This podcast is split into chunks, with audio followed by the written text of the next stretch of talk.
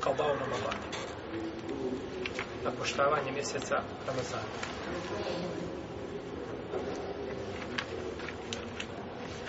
Prvo,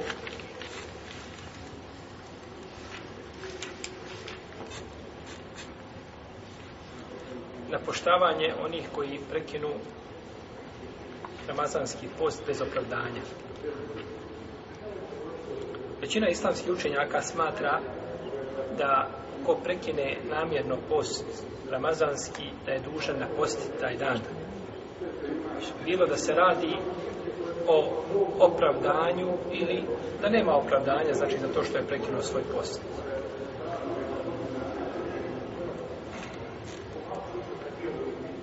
međutim razilaze se ovi učenjaci da li je dužan napostiti i iskupiti se ili je dužan samo napostiti pa neki kažu dužan je da se da naposti taj dan i dužan je da se iskupi analogno čemu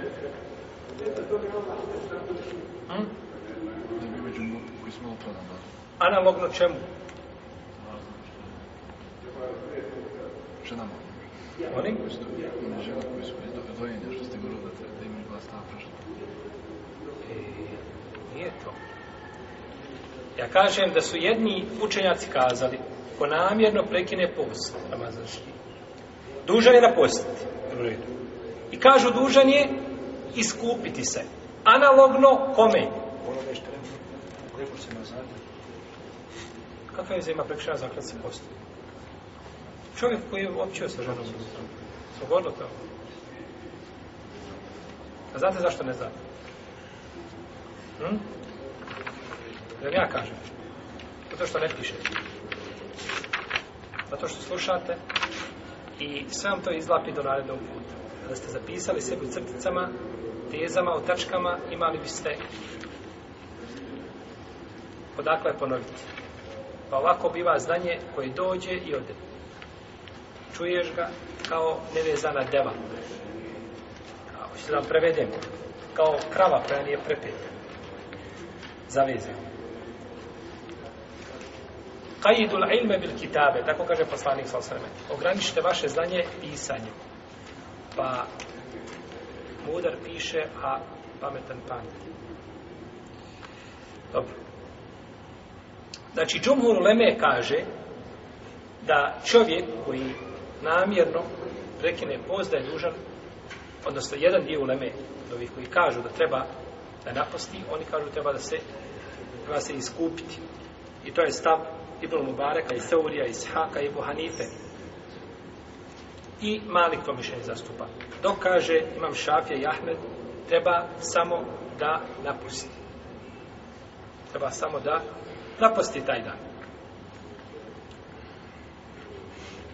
Dok kaže Ibn Hazm, ne treba ništa. Ni napaštati, ni iskupljivati se. I, je li to je po pravilu koga se drži Ibn Hazm, rahimahullahu ta'ala, a to je da napaštanje treba i traži novi dokaz. Znači, kada čovjek namjerno prekine post, to napaštanje traži novi dokaz. Kada je čovjek bolestan, kada je na putu, ili u redu, kada je žena u hajzu ili fasu. Imamo argument zašto? Za napaštanje. Ali imamo li napašta, za napaštanje kada čovjek namjerno u namazanu ruča i večera doručkuje 8 sati? Nema. Pa kaže, nema li napaštanje. I ovo je jako mišljenje. Ovo je mišljenje, znači, jako kod Ibn Hazma, kažu kao čovjek koji je ostavio namaze. Da smo govorili o namazima, na paštaj namaza, spomnjali smo brojne argumente koji ukazuju da propušteni namazi ne trebaju što da se naklanjavaju. Iako džumhur u leme po ovome pravilu kaže treba. Od većine u leme čovjek koji je propustao namaze u životu godinu, dvije, tri, nije kanjao nikako dužan, to se nakon.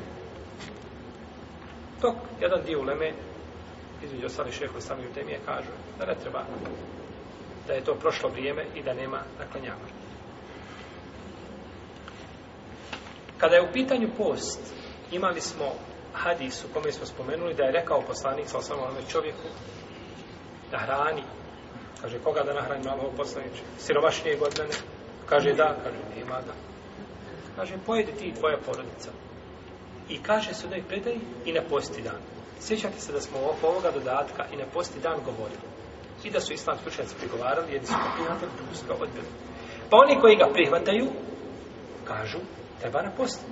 On je namjerno prekinuo post i taj dan treba napostiti. Dok drugi kažu, taj hadis nije vjerodostojan, odnosno taj dodatak, i nema argumenta koji obavezuje, nema nove naredbe kojom se obavezuje postač koji je namjerno prekinuo post da napusti taj dan. Jel u redu?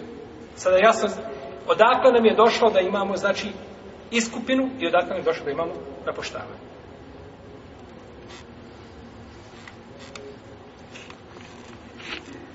Došlo je Ibnu Mesov do vjerodostanoj predaji da je rekao ko bi postio, ko bi jedan dan namjerno prekinuo post, kada bi cijelu godinu ne bi postio, ne bi ga nadoknadio. Ovo se pripisuje poslaniku Salosana. Ali nije vjerodostoje. Nije vjerodostoje. Znači kao hadis nije vjerodostoje na njegovu slabost je ukazao imam Buharija.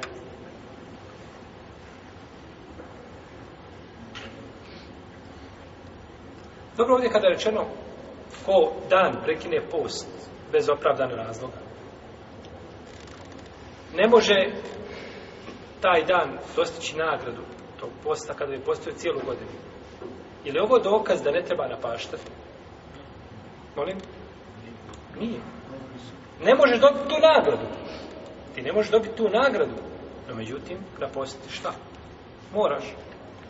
Da postiti, moraš. Ali nagradu nećeš nikada dobiti, zato što nisi postio u propisanom vrijeme.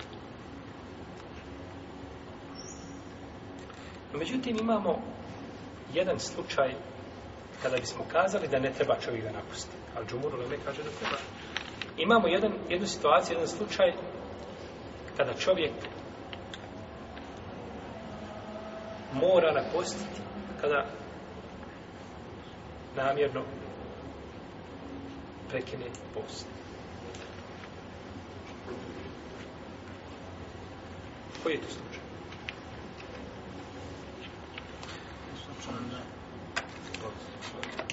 Slučaj ne može da da izdrži post. Možeš ponoviti pitanje. Prije to, to je, ti si prinuđen, ne možeš izdržati post, to je, to je Kur'an ti dozvolio. Ko bude bolestan ili na put, neka isti broj dana naposti. To se spominja za općinu sa Namjerno ti prekineš post i dužan si ga napostiti. I došao je argument i o tome smo govorili. A što je pitan? Ko će nam kazati da ga nagradi? Pozove neko na gozbu, ja. Molim?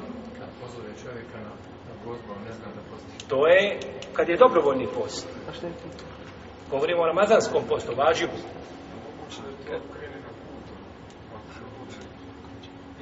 I to ti je šarija dozvolio. Tad nisi griješan, nego imaš grije. Prekinuš post, imaš grije, ali ga moraš šta? Na post. Jel u redu? Jel sad jasno pitanje? Ko se odmetne vjeri? To je pitanje za sebe.